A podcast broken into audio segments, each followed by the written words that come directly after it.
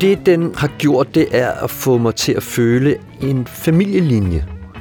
At man ikke er alene. Jeg har altid følt måske, at jeg kunne være Ornette Colemans øh, meget unge nevø.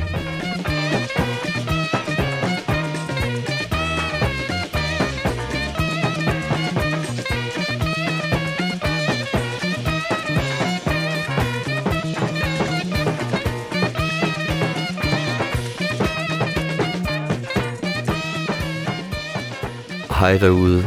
Det her det er T.S. Hø. Jeg er et koldkrigsbarn fra 1957.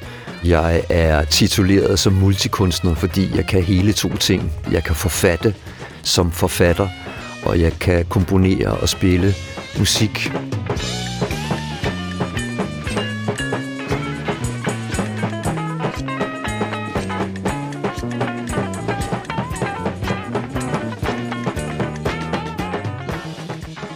Leonard Coleman, Dancing in Your Head.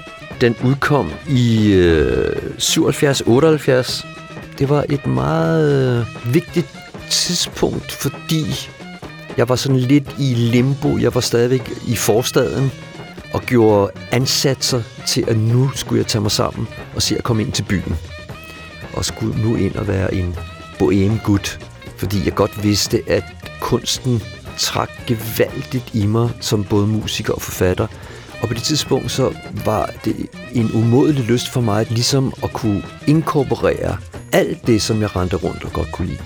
I stedet for at skulle være i et genrefængsel.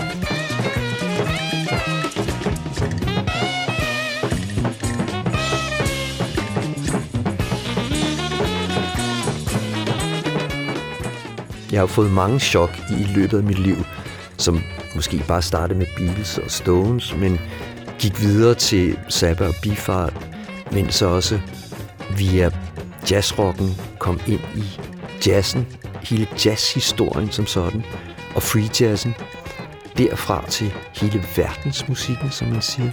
For verdensmusikken så kom punken, som også overrumplede mig meget, og jeg kom med i punkmiljøet ved at spille også med Sots, hvilket gjorde også et stort indtryk, både følelsesmæssigt og tankemæssigt.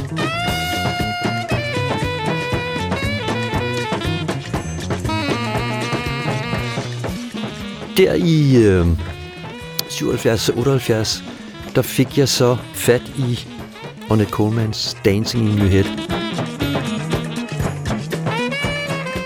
Han øh, væltede mig af pinden allerede med sine ting fra 59, hvor han øh, faktisk kom ind fra venstre og revolutionerede hele, ikke alene jazzmusikken, men også musikken som sådan, ved at lade musikken blive fri, men under ansvar.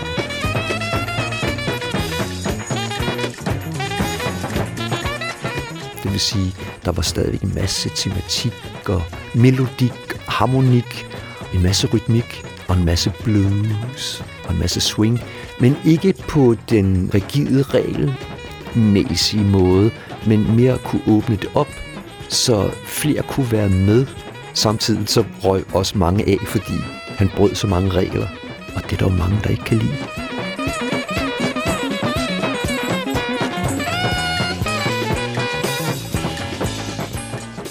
Det var det samme projekt, det harmoniske projekt, hele livet igennem.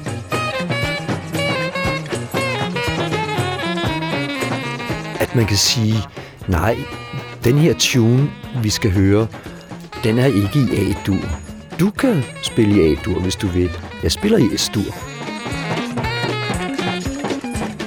Eller du spiller en lang tonerække, og jeg spiller en anden tonerække.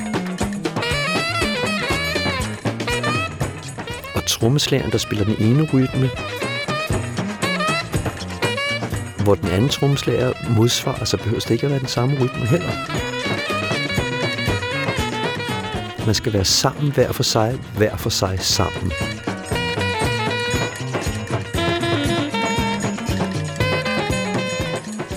Den her plade, jeg har valgt, Dancing in Your Head, så går han elektrisk og øh, udvider frihedens områder til at rumme hele den rytmiske musik nu.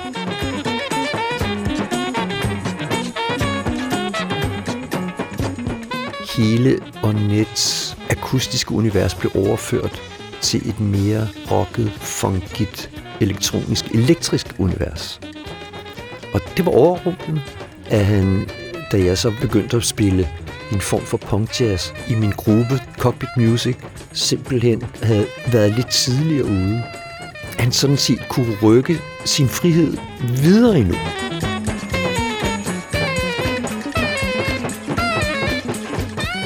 Det var en befrielse at kunne høre og vide, at man var i en familie, hvor man stadig kunne gøre noget for at blive en flygtning eller undvigen fra genrefængslerne.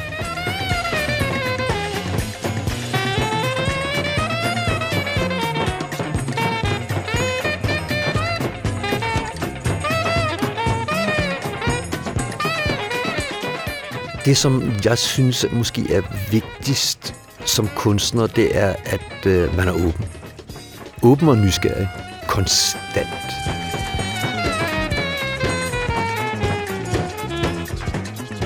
Jeg leder stadigvæk og bliver stadigvæk overrumplet. Nu kan det være, at der er længere og længere imellem, men jeg lader altid en sprække stå åben, fordi jeg ved, at der er mere endnu.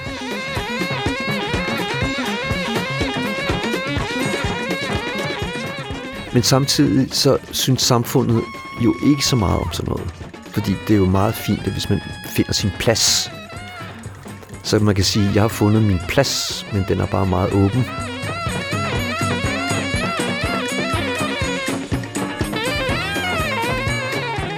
Jazzen siger, at men han er så rocket. Rocken siger, nej, han er så jazzet.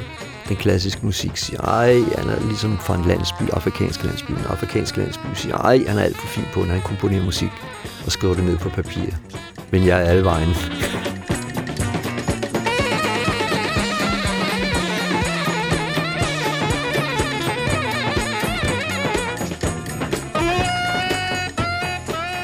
Nu er Ornette Coleman død, men alle idéerne fortsætter langt ud i tiden, fordi de er ikke blevet indhentet. De er ikke blevet en konvention endnu. Hvis de skulle være kommet i nærheden af en institution, så må det være et åbent fængsel med åben udgang.